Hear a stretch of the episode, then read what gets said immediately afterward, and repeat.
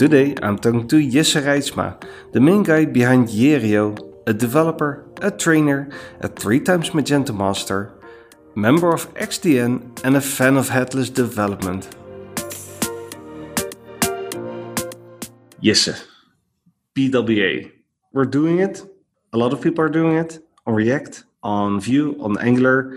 There are a couple of solutions out there, uh, most notably from Magento itself, but also Vue Storefront or uh, Scandi PWA, for example, even Deity.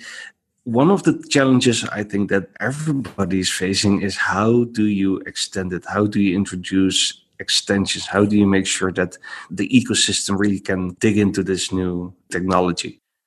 you are an expert on this. I'm, so I've decided you're an expert on this. Yeah. Tell us. Yeah, so this is a difficult topic, and um, I'm talking a lot about it during uh, trainings that I have on uh, React and Vue. Um, I'm also part of uh, XDN, the Magento Extension Developer Network, and we're trying to get an answer for this question as well, because extension developers, well, need to do something with this uh, this upcoming technology of uh, PWA. Yeah, so it's a big question, but the interesting thing for me is that still the answer is still unclear. We still need a lot of uh, talking to do because uh, before we can actually make uh, a certain conclusion. I think like the whole discussion on where do Magento extensions fit into PWA um, needs to start first with like the discussion what is PWA because often it's a buzzword it's a marketing term and then people shout out like PWA is ready and and other people say PWA is not ready yet um, while I think the whole question whether Magento extensions are fitting into this whole new thing is a technical question first. It's not a marketing term, but it's more like what should Magento developers do to actually embrace PWA technology? And you can't have that discussion without actually diving into that technology itself.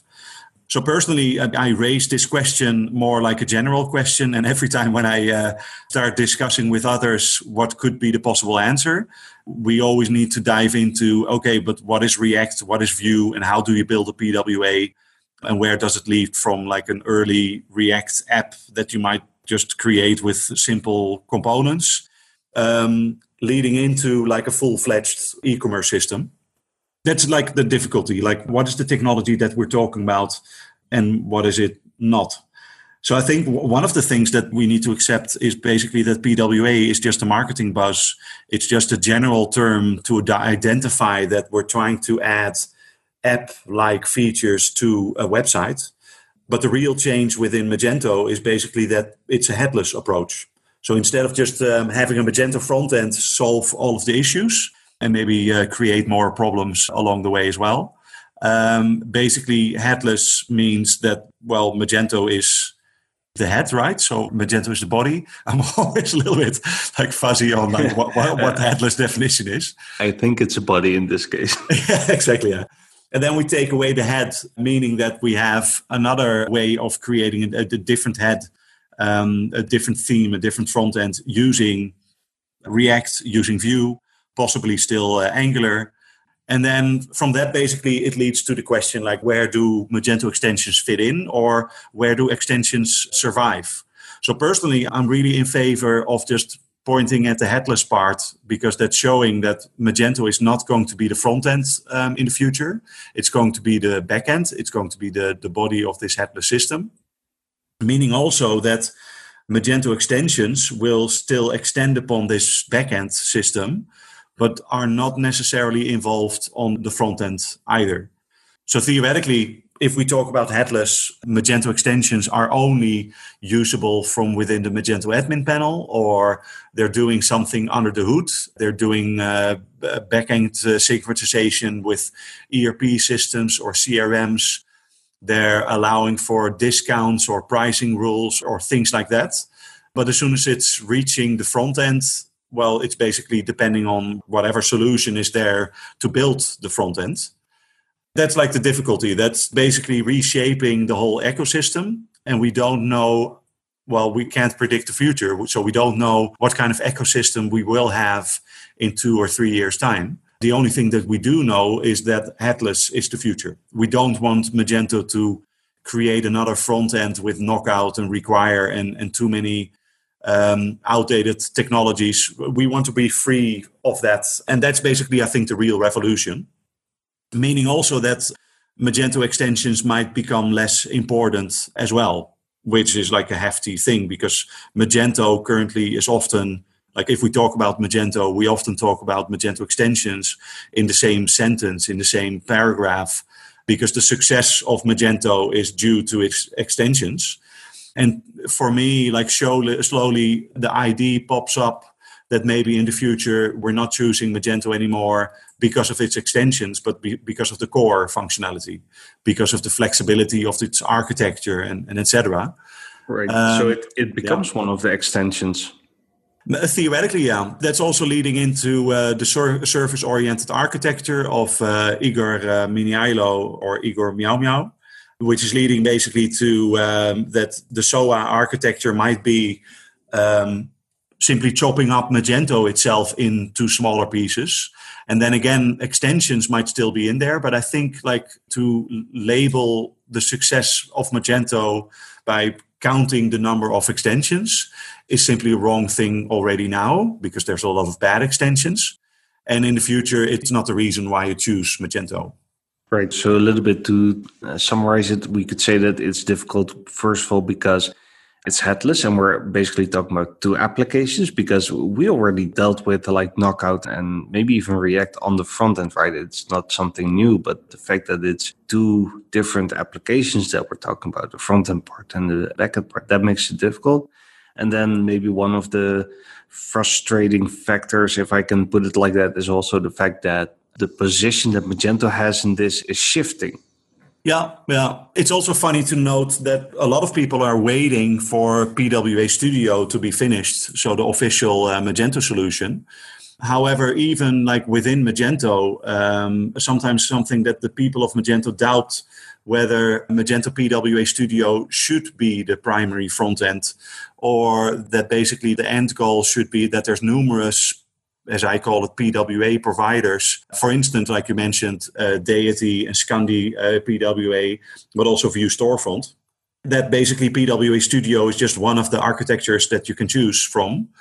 But the difficulty is that if you compare well Vue storefront with pwa studio then well that's the difference between react and Vue. Um, it's a complete different uh, architecture. It's a different communication between javascript and the backend system whether it's rest or graphql. And that, there's so many differences but one of the points of having a headless system is that you have the freedom to choose whatever you want to choose.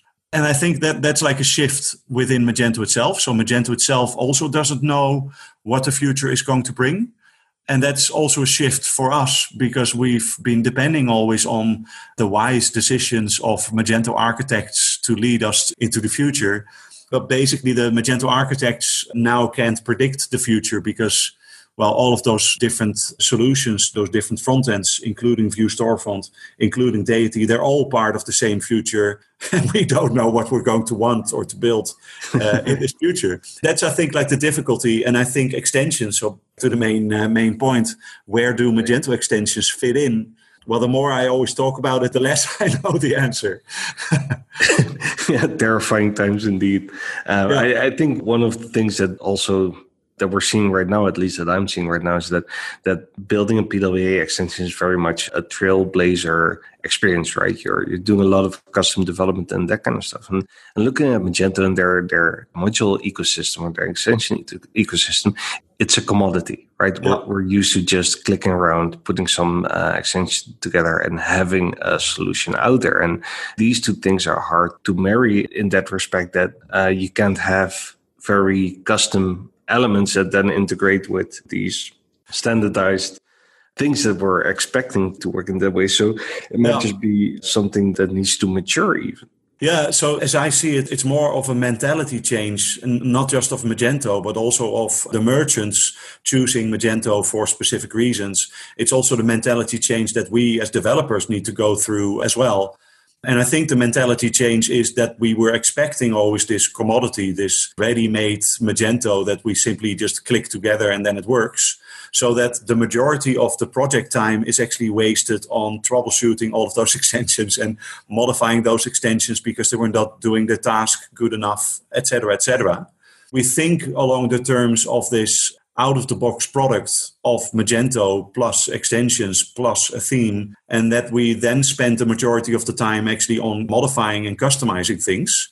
While I think the headless approach is that um, the bare bones system is just a lot less. So there, there's a lot less in the front end, but then with the freedom that we can just build whatever we want to build, then naturally in that whole system, in that whole approach, in that in that mentality change, um, the importance of Magento as a front end technology or extensions as well is just less important. Um, so imagine basically that we don't have this Magento that is so overly complex that we actually need extensions. But just imagine a Magento that is so flexible and so easy to use as well that you can simply just build your own extension whenever you want to. And I think that's like the, the future, that's the promise that we're slowly leading into.